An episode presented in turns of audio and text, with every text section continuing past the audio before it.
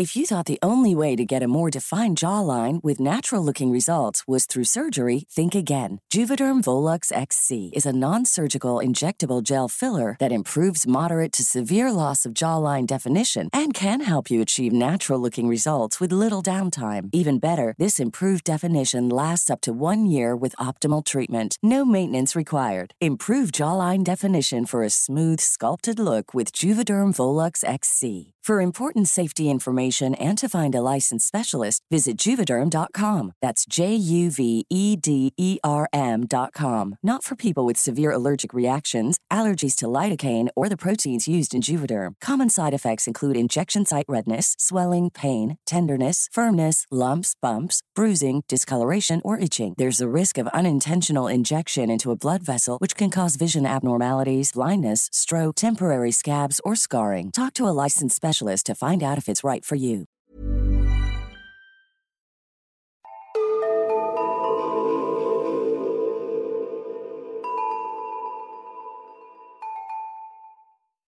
Hej och välkomna till Nära ögat, en true crime-podd för mesar. Mitt namn är Alexandra Kensdottir.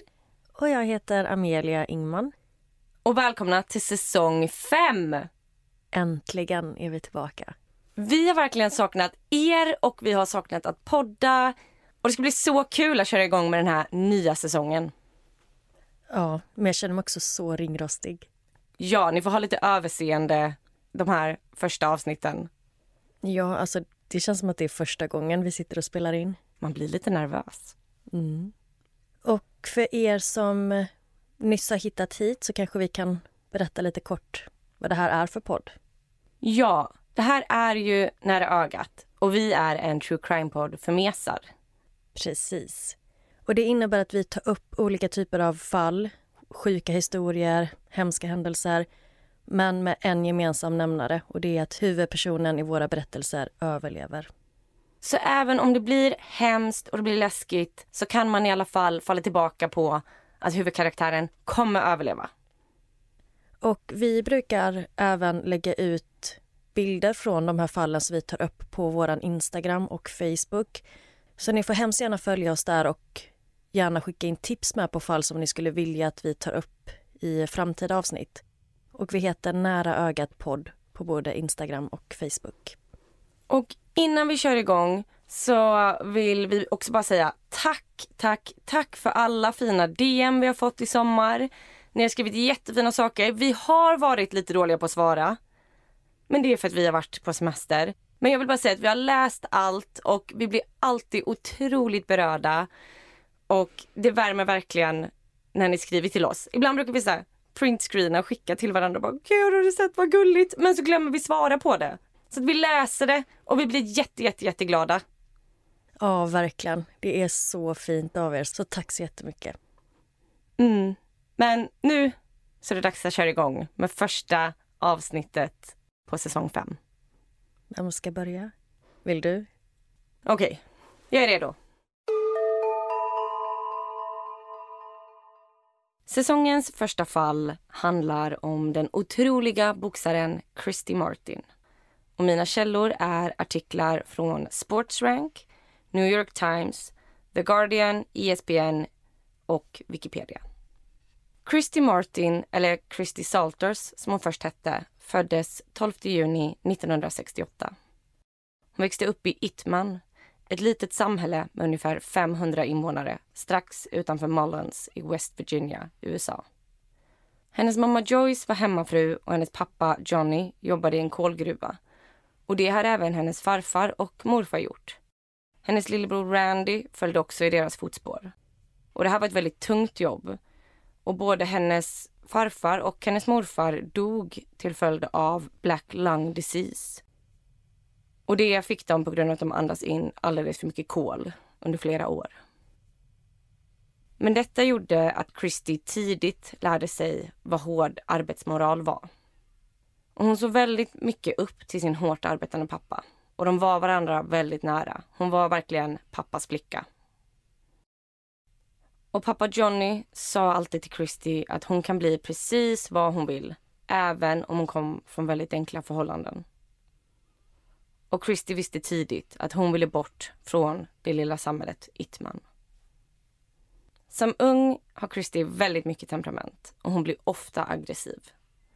Men hon förstår ganska tidigt att hon kan ha användning för sin energi i olika sporter och hon börjar spela basket.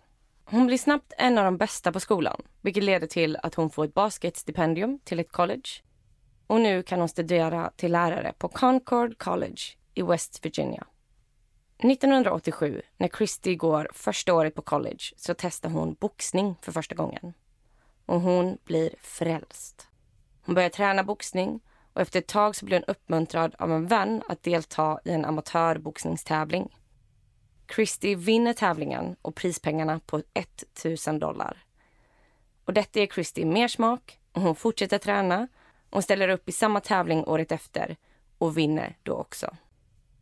1991 tar Christy examen och hon börjar arbeta som vikarie på en skola i West Virginia.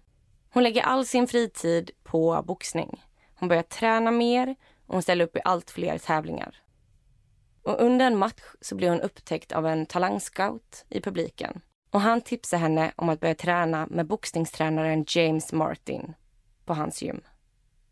James, eller Jim som han kallas, är en före detta fighter och han driver nu ett boxningsgym. Och när Christy kommer till gymmet så verkar Jim inte särskilt imponerad. Det var inte särskilt mycket kvinnor inom boxning på den här tiden och att en kvinna kom till det här gymmet var väldigt ovanligt. Så Jim pikade Christy ganska mycket om att hon inte hörde hemma där.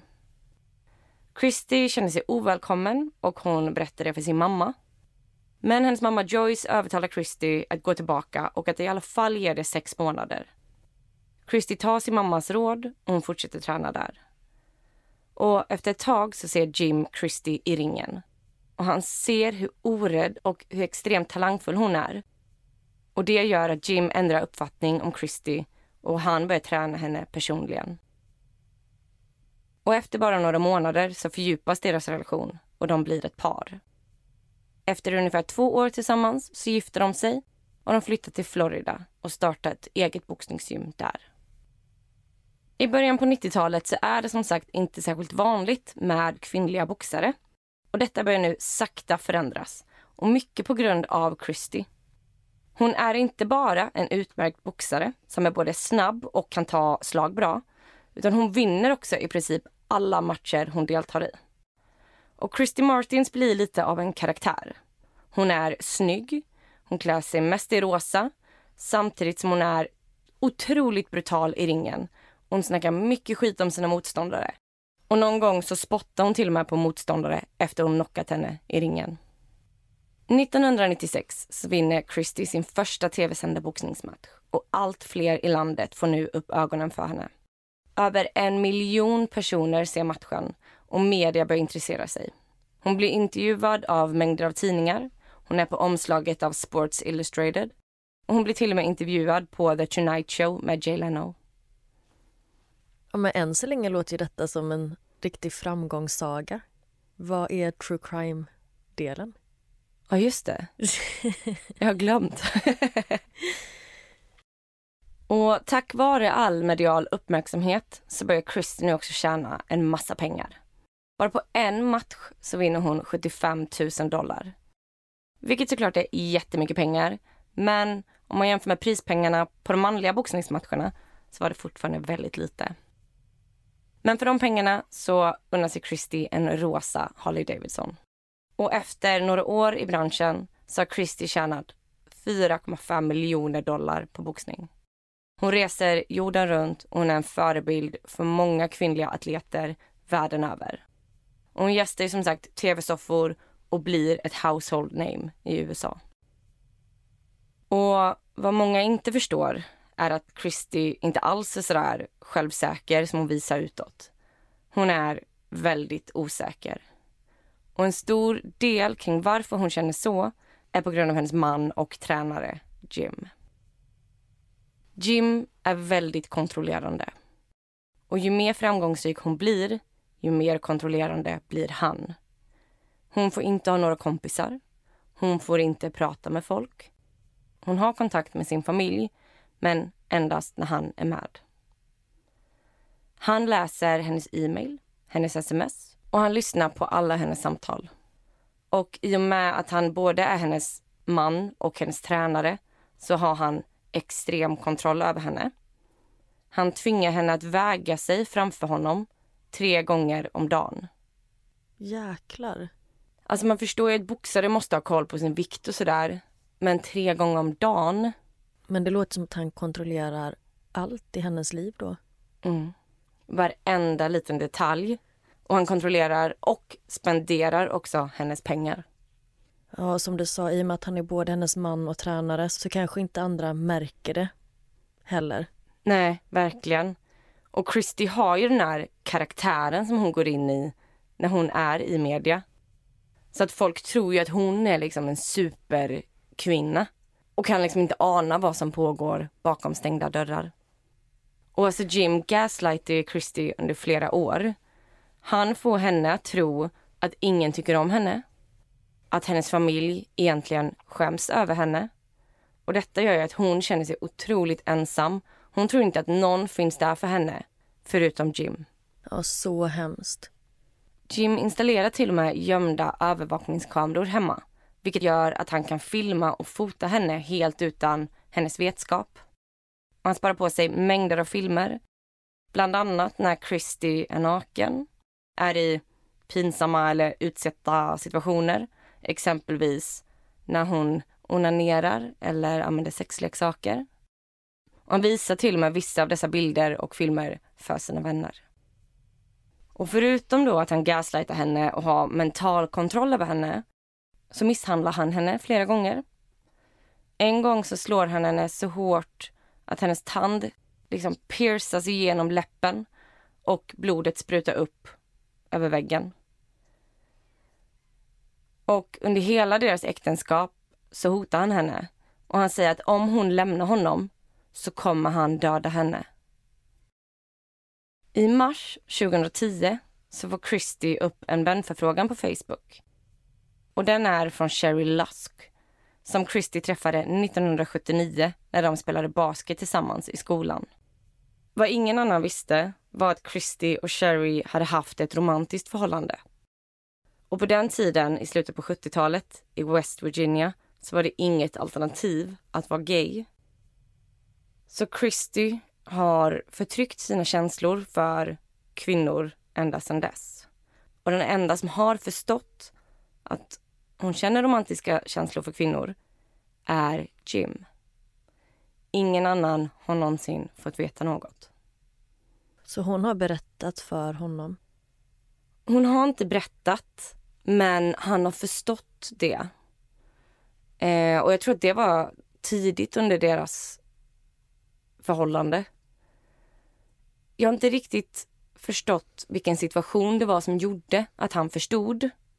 Men jag tror att hon kanske någon gång uttryckte de känslorna för någon kvinna när hon var yngre, i närheten av Jim.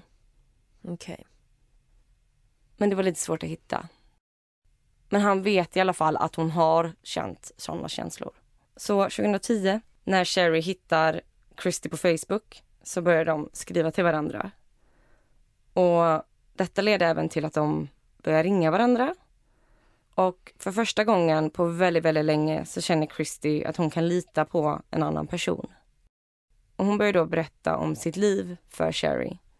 Hon berättar bland annat att hon har haft ett kokainmissbruk under flera år och att det är Jim som förser henne med kokain. Och hon berättar också att hon många gånger funderat på att överdosera med flit bara för att avsluta allt. Och med stöd av Sherry så bestämmer sig Christy för att lämna Jim. Hon kontaktar en advokat, hon ordnar med allt pappersarbete. Och Christy samlar nu på sig mod för att skilja sig från Jim efter ungefär 20 år tillsammans. Jim blir förbannad, men de pratar ihop sig och de bestämmer sig för att inte gå ut med skilsmässan offentligt förrän efter nästa tävling. 18 november 2010 så bestämmer sig Christy och Sherry för att ses på lunch. Och under den lunchen så ringer Jim oavbrutet och han lämnar mängder av röstmeddelanden. Christie spelar då upp några högt för Sherry. Och då hör Sherry hur Jim säger att han ska krossa Christie och han ska förstöra hennes liv. Och efter det så skickar han foton till Christie från de här gömda övervakningskamerorna när hon onanerar och använder sexleksaker. Två dagar senare, 22 november, så ska kvinnorna mötas upp igen. Och Jim insisterar då på att han borde följa med. Men Christy vägrar. Så hon åker och möter upp Sherry. Och de hälsar genom en kram och en snabb puss.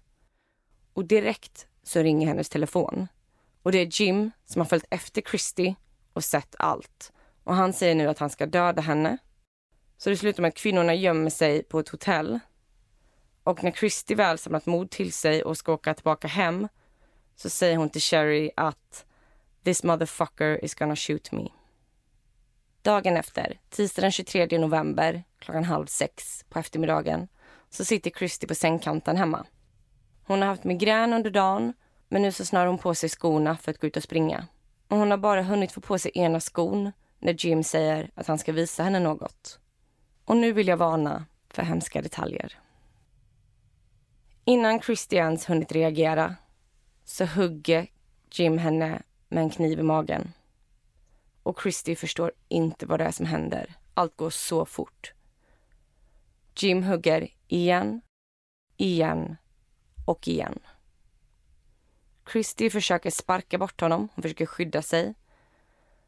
Och Jim tar då kniven och skär längs med hennes vad så att en stor del av vaden lossnar från benet och hänger nu endast i en hudslamsa. Oh, usch. Alltså det är så hemskt. Jim råkar på något sätt skära sig i handen och tappar då kniven. Och nu ser Christy sin chans. Hon försöker fly. Men han får tag i henne och får ner henne på marken. Och han börjar slå hennes huvud mot golvet och mot en byråkant. Och han slår så hårt mot kanten att hennes ena öra nästan helt slits av. Men va? Alltså vad är han för vidrig människa? De har varit tillsammans i 20 år och han gör så här. Det här är så fruktansvärt. Mm. Och det bara fortsätter. Jim tar nu fram en pistol och Christy ser att det är hennes egna rosa pistol som han tar fram. Han slår henne över ansiktet med baksidan av pistolen och sen ställer han sig upp framför henne och skjuter henne i bröstet. Christy blöder och hon hör hur hennes andetag låter gurglande av allt blod i lungorna. hon ber honom snälla ring ambulans. Han tar fram telefonen som han har dragit ur kontakten på och låtsas slå 911. Och så säger han hånande jag kan inte få den att funka. Undrar varför. Christy får allt svårare att andas. Hon orkar inte längre fästa blicken och hon känner hur hon börjar förlora medvetandet. Jim går runt och fixar med grejer och Christy förstår inte riktigt vad. Men efter ungefär 30 minuter så sätter han igång duschen. Hon öppnar då ögonen och tittar efter honom. Han syns inte längre till. Och hon förstår att det här är hennes enda chans att överleva. Med en extrem vilja så lyckas hon till slut ställa sig upp. Hon har förlorat så mycket blod och hon haltar fram över golvet. Hon tar ett par bilnycklar och även pistolen med sig som bevis och hon lyckas ta sig ut utanför huset. När hon kommer ut så ser hon att det här är fel bilnycklar. Så hon måste ta sig ner till gatan. Tack och lov så kommer det en bil precis då. Och Christy är så täckt med blod och börjar gå mot den här bilen och vinkar och vill att den ska stanna. Mannen i bilen blir såklart förskräckt, men vevar ner rutan. Christy ber honom att inte låta henne dö. Att snälla ta henne till sjukhus. Och mannen i bilen släpper in henne och ringer 911 medan de gasar iväg till sjukhuset. Under tiden så kommer Jim ut ur duschen. Han har duschat bort allt blod, han har färgat håret och han har tagit på sig sina smycken och sina kalsonger och ska precis ta på sig sina kläder när han ser att Christy är borta. Och i panik så springer han ut ur huset i endast kalsonger, ut på gatan och letar efter henne. Men Christy är redan borta. På sjukhuset opereras Christy i flera timmar. Hennes lunga är punkterad på två ställen. De opererar hennes vad men är osäkra på om hon någonsin ska kunna gå igen. Hon sys med otaliga stygn i huvudet och de syr tillbaka hennes öra igen. Kulan sitter kvar i bröstet och de kan ta ut den först några veckor senare. Och Christy är så extremt stark att hon är tillbaka på gymmet endast åtta dagar efter attacken. 2012 är det dags för rättegång. Christy vittnar i över tre timmar. Och Det här är första gången hon berättar allt. Hon berättar om sitt kokainberoende, sin sexualitet och även sina självmordsförsök. Och när hon går ner från vittnesbåset går hon fram till sin exman och stannar till. Och så säger hon Jag hoppas du ruttnar i helvetet, motherfucker. De som var på rättegången trodde att hon skulle gå fram och knocka honom. Ja, det är ändå riktigt kaxigt gjort. Mm. Måste känts så bra för henne att Mm. säga det. Man vill ju bara applådera när man hör det här. Det tar juryn endast fem timmar att överlägga. Jim är skyldig och han blir dömd till 25 års fängelse. Christy Martin är en otrolig talang. Av 59 matcher så har hon vunnit 49. Tre har blivit lika, så hon har bara förlorat sju av de 59 matcherna. Och Christy är säker på att det är just tack vare boxningen som hon kunde ställa sig upp igen den dagen. Hon har gjort det så många gånger förr. Hon har varit knockad, men hon bara sväljer smärtan och ställer sig upp på benen. Ja, det är sjukt imponerande för det är ju lite skillnad att vara knockad i en boxningsring och vara skjuten i bröstet, vaden är av, totalt misshandlad. Alltså det är otroligt att hon klarade av det. Mm. 2019 blir Christy den första kvinnan någonsin att bli invald till International Boxing Hall of Fame. Och idag är Christy gift med en kvinna som heter Lisa Holloway som också är boxare. Och de träffades faktiskt redan 2001 och då i ringen. Och Christy knockade henne. Christy säger idag att hon fortfarande inte är läkt helt mentalt. Men att det enda sättet för henne att hantera det här är att vara ute och prata om våld i hemmet. Hon är ute och föreläser om det på fängelse, på skolor, på kvinnojourer och på galor. Och hon tror att Gud har kvar henne på jorden idag för att göra det hon gör nu. Nämligen att hjälpa andra kvinnor. Och det var allt jag hade idag om Christy Martin. Ja, vilken historia. Det här är ju inte första gången vi tar upp fall om våld i hemmet. Och det är så svårt det här att förstå varför de här agerar så här, att varför de är så kontrollerande från första början och varför de ens anser att den bästa utvägen är att ta livet av någon som vill lämna. Jag menar, det jag kan inte fatta. Nej, det går inte att förstå. Och tänk att ha levt 20 år i en sån destruktiv relation. Man kan ju Mm. bara tänka sig hur hjärntvättad hon blir och som du säger så gaslightad och manipulerad till att tro att hon förtjänar det här. Mm. Och han var ju också den enda som visste lite att hon eventuellt var gay. Och att han hotade väldigt mycket med att han skulle berätta detta och släppa detta och släppa de här bilderna och filmerna. Förstöra hennes rykte om hon lämnade. Så jäkla hemsk människa. Men jag undrar också typ hur kul är det att vara tillsammans med någon som man vet enbart är i en relation för att de är hotade till det. Nej, vad får han ut av den relationen? Alltså att han kontrollerar henne, jag förstår inte. Nej, exakt vad är motivet? Är det att han vill åt hennes pengar eller vad? Typ makten kanske. Alltså jag vet inte. Men Lisa, hennes fru idag, hon var ju också boxare under samma tid som Christy blev stor. Och många andra kvinnliga boxare trodde ju att Christy hade allt. Mm. För hon var ju den första kvinnliga boxaren som verkligen började tjäna pengar. Och att folk såg henne som väldigt, väldigt lyckad. Mm. Och var så här, åh jag vill också ha det. Jag vill också ha det. Och visste inte bakgrundshistorien. Exakt, att det är svårt som utomstående att förstå vad det är som händer bakom stängda dörrar.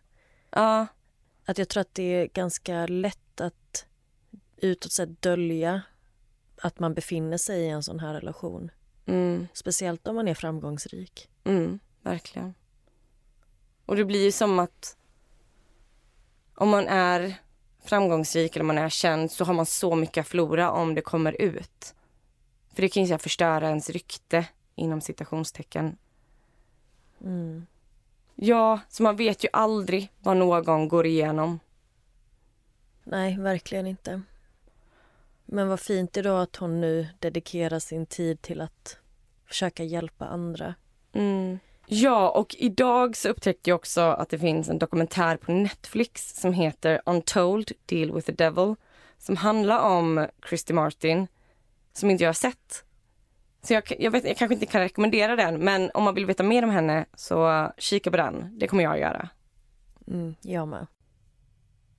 Ja, tack så jättemycket Assa för den här berättelsen och för att du kickstartar säsong 5. Nu ser jag så mycket fram emot att lyssna på din historia. Förbered dig på mycket felsägningar. Head over to Hulu this March where our new shows and movies will keep you streaming all month long. Catch the acclaimed movie All of us strangers starring Paul Mescal and Andrew Scott. Stream the new Hulu original limited series We Were the Lucky Ones with Joey King and Logan Lerman. And don't forget about Grey's Anatomy. Every Grey's episode ever is now streaming on Hulu. So, what are you waiting for?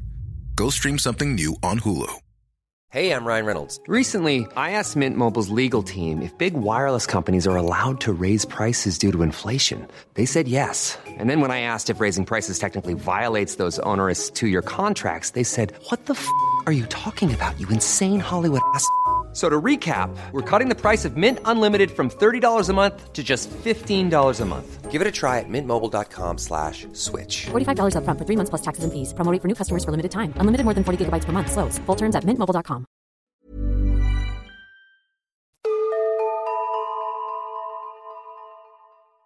Idag ska jag berätta om mysteriet kring familjen Trump.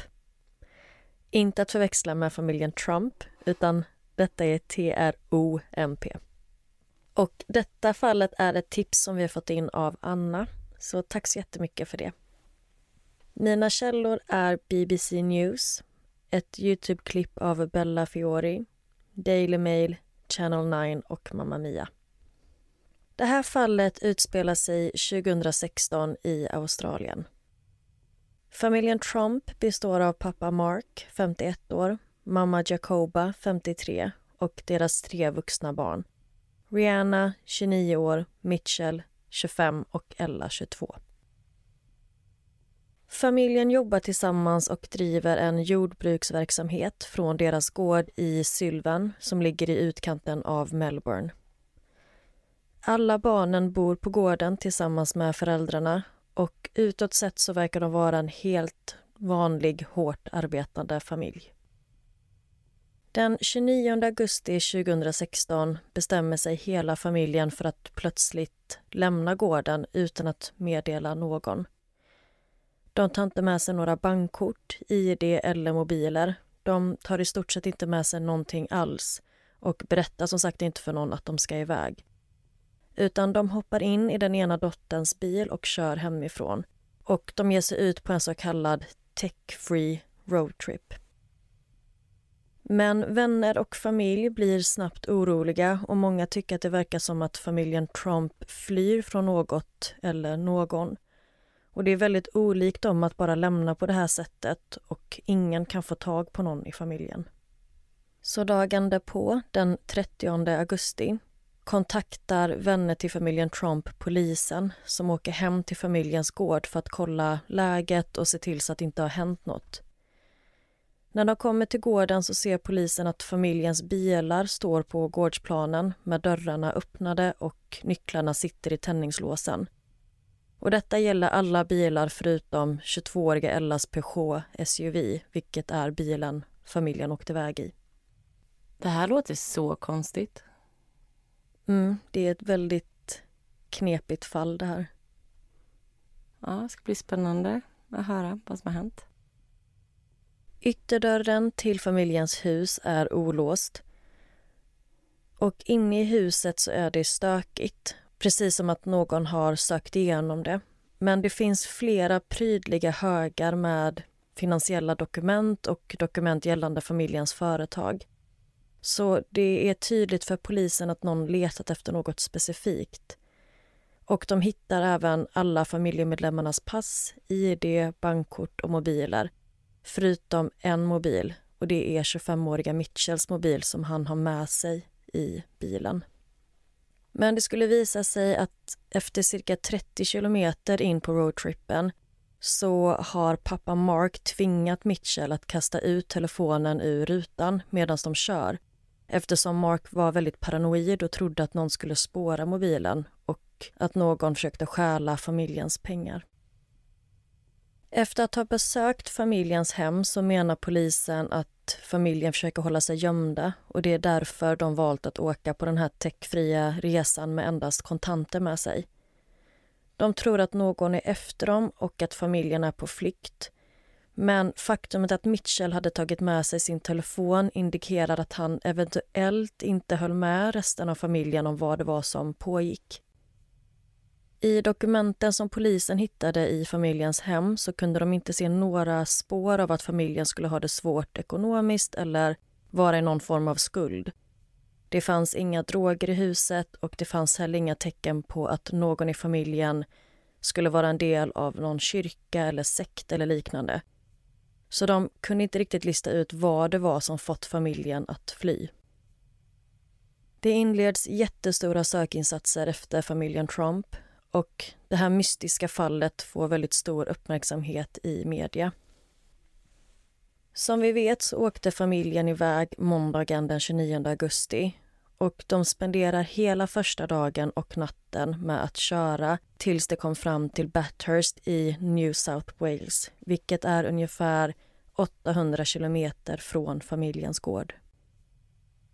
Runt klockan sju på morgonen tisdagen den 30 augusti lämnar 25-åriga Mitchell de andra i familjen och drog iväg själv. Kort därefter kör resten av familjen vidare till Genolan Caves vilket är cirka 80 kilometer bort från där Mitchell lämnade. När de kommer fram dit så väljer både 22-åriga Ella och 29-åriga Rihanna att också lämna. Båda döttrarna var desperata att komma bort från den här situationen vad det nu än var som pågick med föräldrarna för de valde att stjäla en bil för att kunna ta sig därifrån. Och de hade som sagt ingenting med sig, varken pengar eller ID. Så döttrarna såg förmodligen detta som det enda sättet att ta sig bort från föräldrarna och lämna den här situationen. Döttrarna kör cirka 150 kilometer från Genolan Caves till Goulburn och när de kommer fram dit så anmäler de sin mamma Jacoba och pappa Mark som försvunna. Och nu får fallet ännu mer spridning i media. Det är väldigt många frågetecken kring vad det är som har hänt och alla vill veta vad det är som pågår. Fram tills att döttrarna anmälde sina föräldrar försvunna så hade det egentligen inte handlat om mer än att en familj hastigt gett sig iväg på en resa i sitt eget land men utan att berätta för någon. Och nu handlar det om något helt annat och alla är såklart nyfikna på varför barnen valt att lämna sina föräldrar och varför de gjort det i omgångar. Och allt verkar bara väldigt märkligt. Och ingen av barnen hade heller förklarat för varken polis eller media vad det var som pågick. Det här låter jätte, jättekonstigt. Ja, man förstår inte riktigt vad det är som händer. För de anmäler också sina föräldrar saknade. Ja. Och när jag gjorde research på detta fallet så kände jag också bara, vad är det som pågår? Var kommer detta leda någonstans? Men, Exakt så känner jag nu. Men det är väldigt oklart, hela det här fallet. Ja, spännande. Efter att ha anmält föräldrarna som försvunna så väljer Ella och Rihanna att dela på sig och de lämnar varandra vid en bensinstation i Goldburn. Ella vill åka hem igen och ta hand om sina hästar och ge dem mat. Men man får ingen förklaring kring varför Rihanna inte följer med hem. För Rihanna väljer istället att klättra in i flaket på en pickup och föraren Keith Whittaker märker inte något förrän de kört i ungefär en timme. Och då hör han ett dunkande ljud från flaket så han stannar bilen för att se vad det är och då hittar han 29-åriga Rihanna. Och han beskriver henne som helt katatonisk. Hon vet inte vem hon är, vad hon heter eller var hon är någonstans. Och föraren kontaktar omedelbart polisen som i sin tur tar Rihanna till sjukhuset i Goulburn där hon läggs in på den psykiatriska avdelningen. Och hon kommer att bli kvar där i flera månader.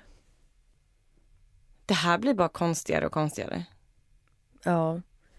Och tänk vilken sjuk situation för den här chauffören Keith. Ja. Att hitta en främmande person bak i sin bil och i ett sånt här sinnestillstånd. Vad gör man ens? Nej, han blir såklart jätterädd och bara vad, hur ska jag hjälpa den här människan? Men han gjorde ju det enda han kunde göra, det var att ringa polisen. Ja. Men systern Ella åker som sagt hem och hon kommer fram till familjens gård på tisdagskvällen. Och polisen finns då på plats när hon kommer hem och de överöser henne direkt med massvis av frågor. Morgonen därpå, onsdag den 31 augusti, kommer även 25-åriga Mitchell hem. Han hade lämnat familjen innan Ella men det tog ändå längre tid för honom att ta sig hem för att han hade åkt massvis med olika tåg och bussar utan pengar och försökt ta sig hem på det sättet. Men när han väl är hemma på gården igen så gör Mitchell och Ella en jättekonstig intervju. De intervjuas av ett tv-team för att prata om vad det som hänt men de nämner knappt resan alls. Och Tanken var att de skulle svara på frågor och dämpa nyfikenheten kring familjen men det ger helt motsatt effekt. De säger typ att de inte riktigt vet vad som hände och att det var jättekonstigt men att de inte kan förklara någonting.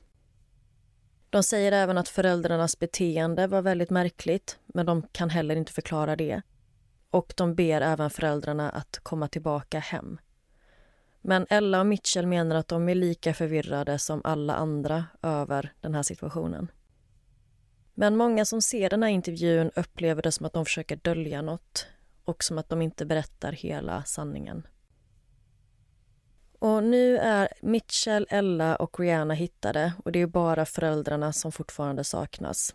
Så det drar igång jättestora sökpådrag i Victoria och New South Wales efter Mark och Jacoba. Ingen vet var de befinner sig och ingen vet heller vart de är på väg. Men efter att Ella och Rihanna lämnat sina föräldrar så kör Mark och Jacoba cirka 600 kilometer tillbaka söderut, samma håll som de kom från. Och de kör till ett ställe som heter Wangaratta i Victoria. Och väl där så blir även föräldrarna på något sätt separerade. Jacoba, mamman, åker efter det tillbaka norrut igen, bort från hemmet.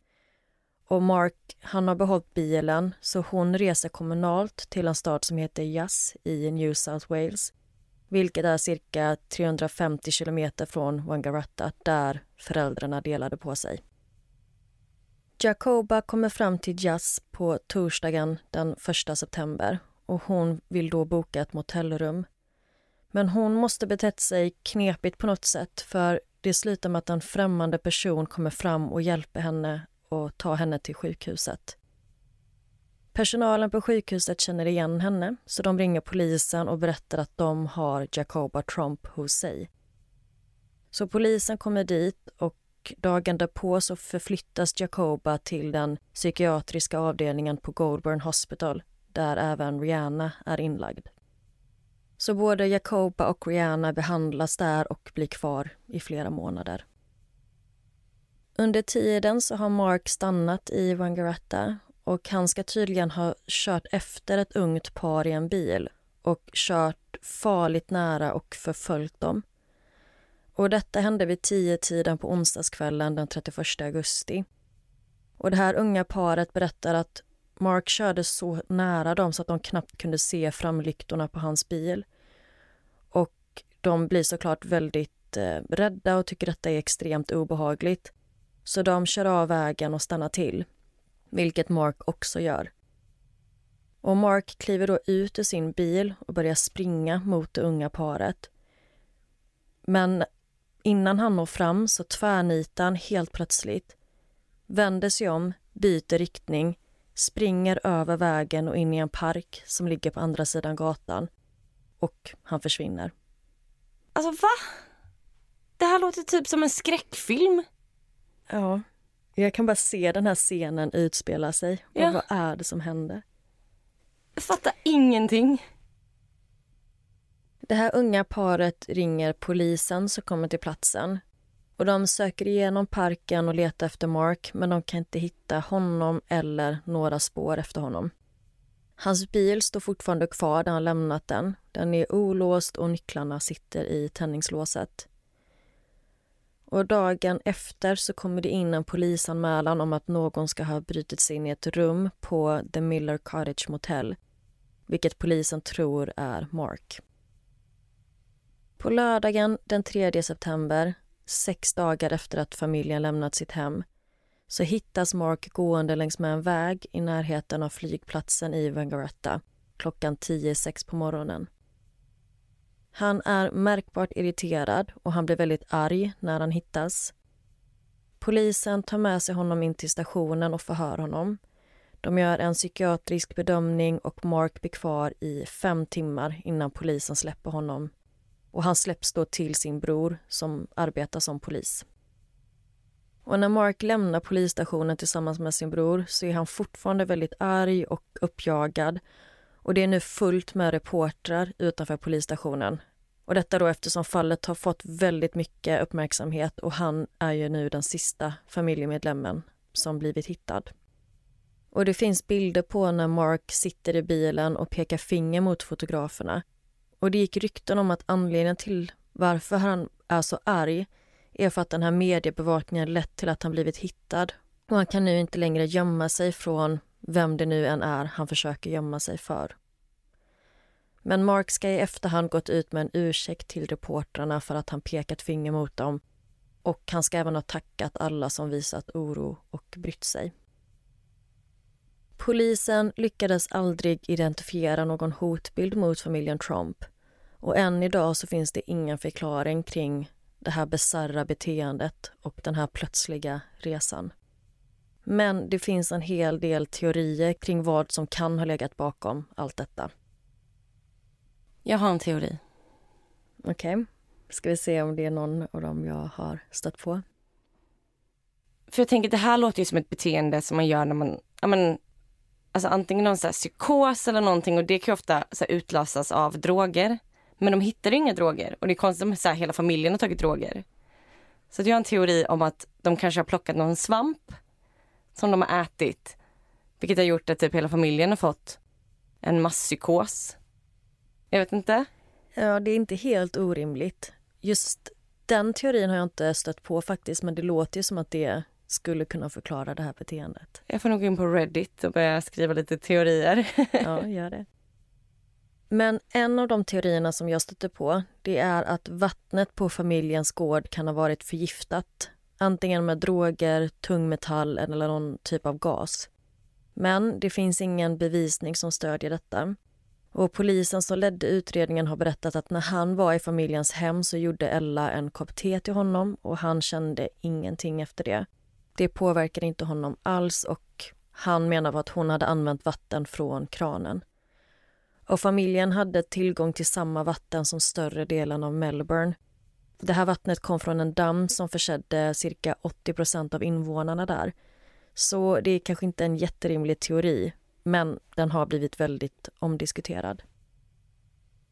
Nästa teori det är att familjen kan ha blivit förgiftad av någon produkt som de har använt sig av på gården.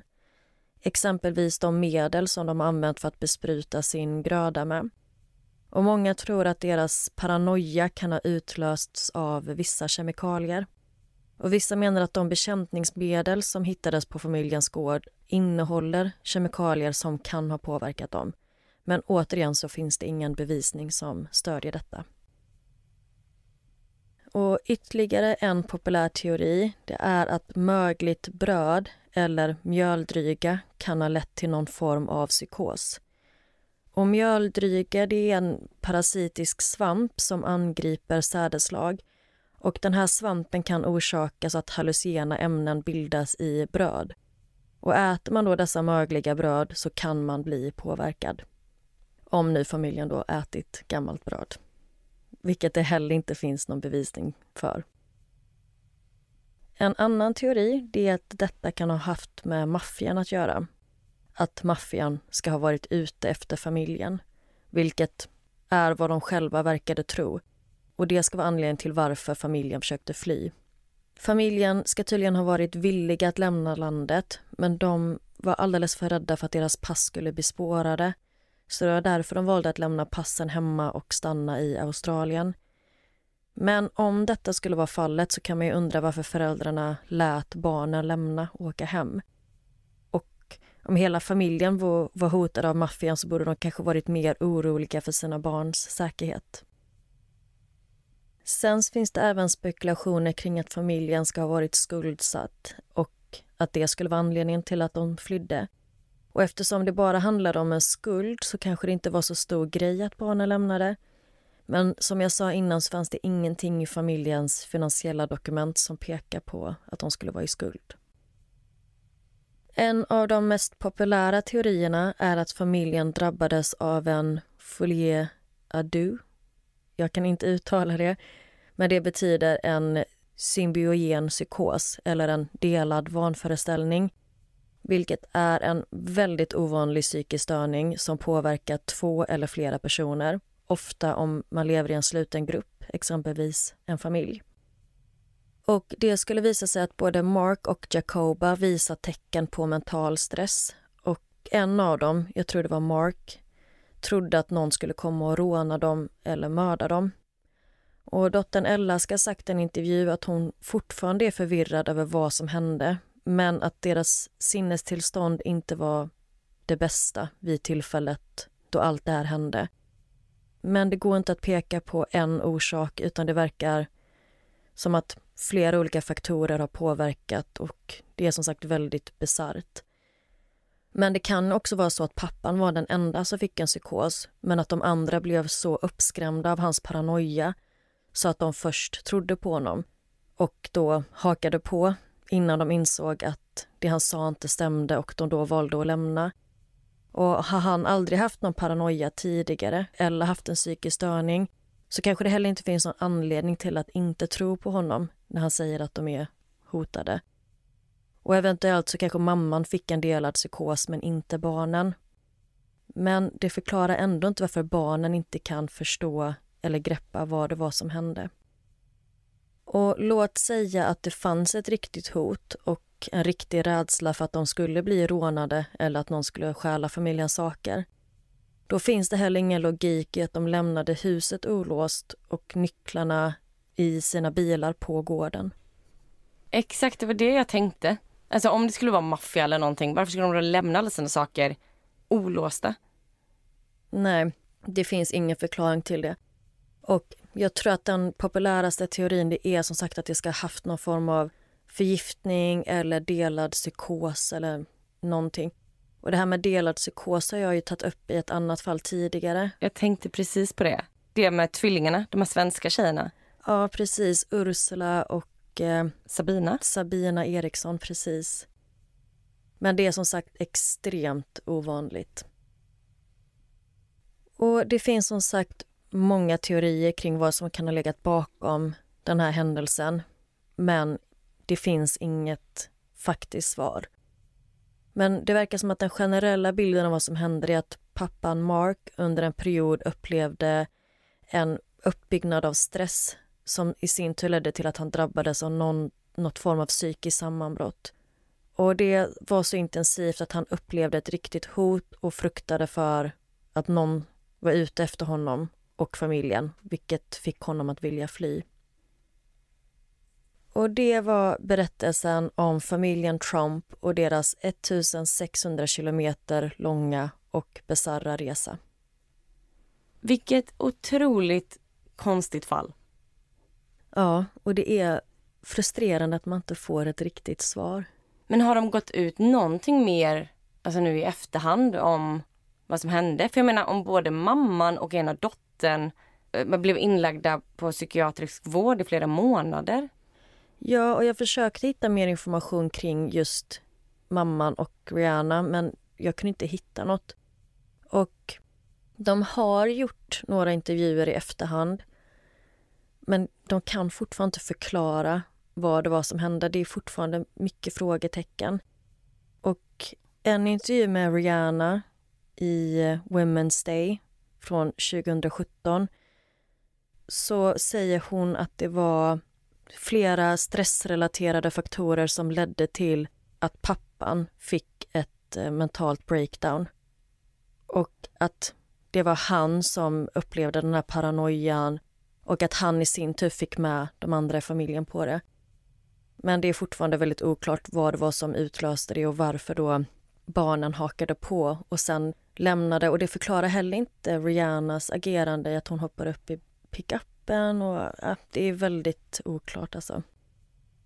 Och ingen i familjen har tidigare haft några dokumenterade psykiska besvär eller hälsoproblem. Ja, alltså det jag först tänkte det var verkligen att de måste ha fått någon slags masspsykos, kanske på grund av någonting de har fått i sig. Typ min teori om att man fått i sig någon konstig svamp tycker inte jag låter jättekonstig. Men de kanske borde ha listat ut det efteråt då. Mm. Men alltså man vet ju inte riktigt heller hur familjekonstellationen ser ut. Jag tänker om de ändå bodde hemma, alltså de var ändå 29 och typ 25. Ja, men det är nog bara för att de driver flera verksamheter tillsammans. Just det. Att de har dels den här gården och sen så var det något annat företag också. Mm, men då kanske det är så att pappan är en väldigt, väldigt central figur som kanske bestämmer väldigt mycket, som man har mycket respekt för. Om han då blir, får en psykos, mm. som du sa, då kanske man tror på det. Exakt, och det kan jag köpa till viss del, men samtidigt så är det så här, Mitchell, var han osäker? För han tog ändå med sin mobil. Mm. Betyder det att han inte trodde riktigt på pappan? Och sen när systrarna väljer att lämna och de stjäl en bil för att komma ifrån föräldrarna.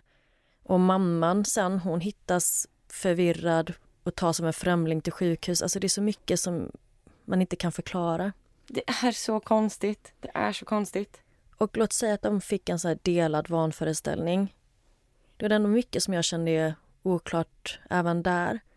Ja, men det känns ju konstigt att fem personer får det. Alltså jag förstår mer så här Ursula och eh, Sabina som du pratade om i ett tidigare avsnitt. Som var liksom tvillingar, man har ändå hört om så här tvillingar som så delar väldigt mycket, att den får ont och som visar sig att den andra är skadad och bla bla. Men att fem personer skulle dela vanföreställning känns ju konstigt. Mm. Och det verkar som att Mitchell och Ella, de två yngsta barnen, verkar vara de som blivit minst påverkade av detta. Dels att Mitchell var den första som lämnade och de kunde även åka hem efter de tog sig bort från föräldrarna. Men om de kände att det var något konstigt med familjens beteende och kanske då framförallt pappan, varför kontaktade inte de polisen? Jag vet att Ella anmälde föräldrarna som försvunna men Mitchell anmälde inte dem. Och varför övergav de bara varandra? Om det nu är något som inte står rätt till, varför lämnar man då en person i den situationen? Men den här intervjun med Mitchell och Ella, mm. finns den att se? Ja, jag kan lägga ut en bit från den på vår Instagram. Det vet en nära ögat podd. Och en annan grej med Ella anmäldes ju för två brott efter detta. Dels bilstöld men också innehav av stöldgods, om jag översatt det rätt. Men två dagar efter den anmälan så valde personen som ägde bilen som Ella stal att ta tillbaka anmälan för han kände sån sympati för henne och familjen och allt de hade gått igenom. Så ja, det är intressant att höra de här olika teorierna. Och de jag tog upp det är kanske mer de här officiella teorierna som har diskuterats. Men sen så finns det också en hel del andra teorier i kommentarsfält och på Reddit och olika platser. Och en av dem är att vissa tror att en i familjen kan ha utfört något typ av brott, eventuellt haft ihjäl en annan person och att de andra i familjen hjälpt till att täcka upp det. Att de eventuellt kanske har gjort sig av med någon kropp och de har liksom det här konstiga alibit och de försöker dölja något som en i familjen har gjort. Mm. Eller aliens. ja. Men det hade varit jättekul att höra vad ni som lyssnat tror hände. Så ni får jättegärna kommentera på Instagram eller diskutera i kommentarsfältet för att det vore jätteintressant att höra er take på detta. Ja, är det någon mer än mig som tror att det är någon konstig svamp de har käkat så in och kommentera det. Ja, och det var allt jag hade för idag. Ja, men så spännande och konstigt fall. Så kul att vara igång med säsong fem, hörni. Ja, jättekul. Och tack igen, Anna, för det här fallet. Jag hade aldrig hört talas om det innan och det var minst sagt förvirrande. Verkligen. Men tusen tack för att ni har lyssnat på säsong fems första avsnitt. Ja, det är så kul att vara tillbaka och vi hörs igen nästa vecka. Ja, och in och följ oss på Nära ögat podd som heter på sociala medier. Ha det fint! Ha det fint!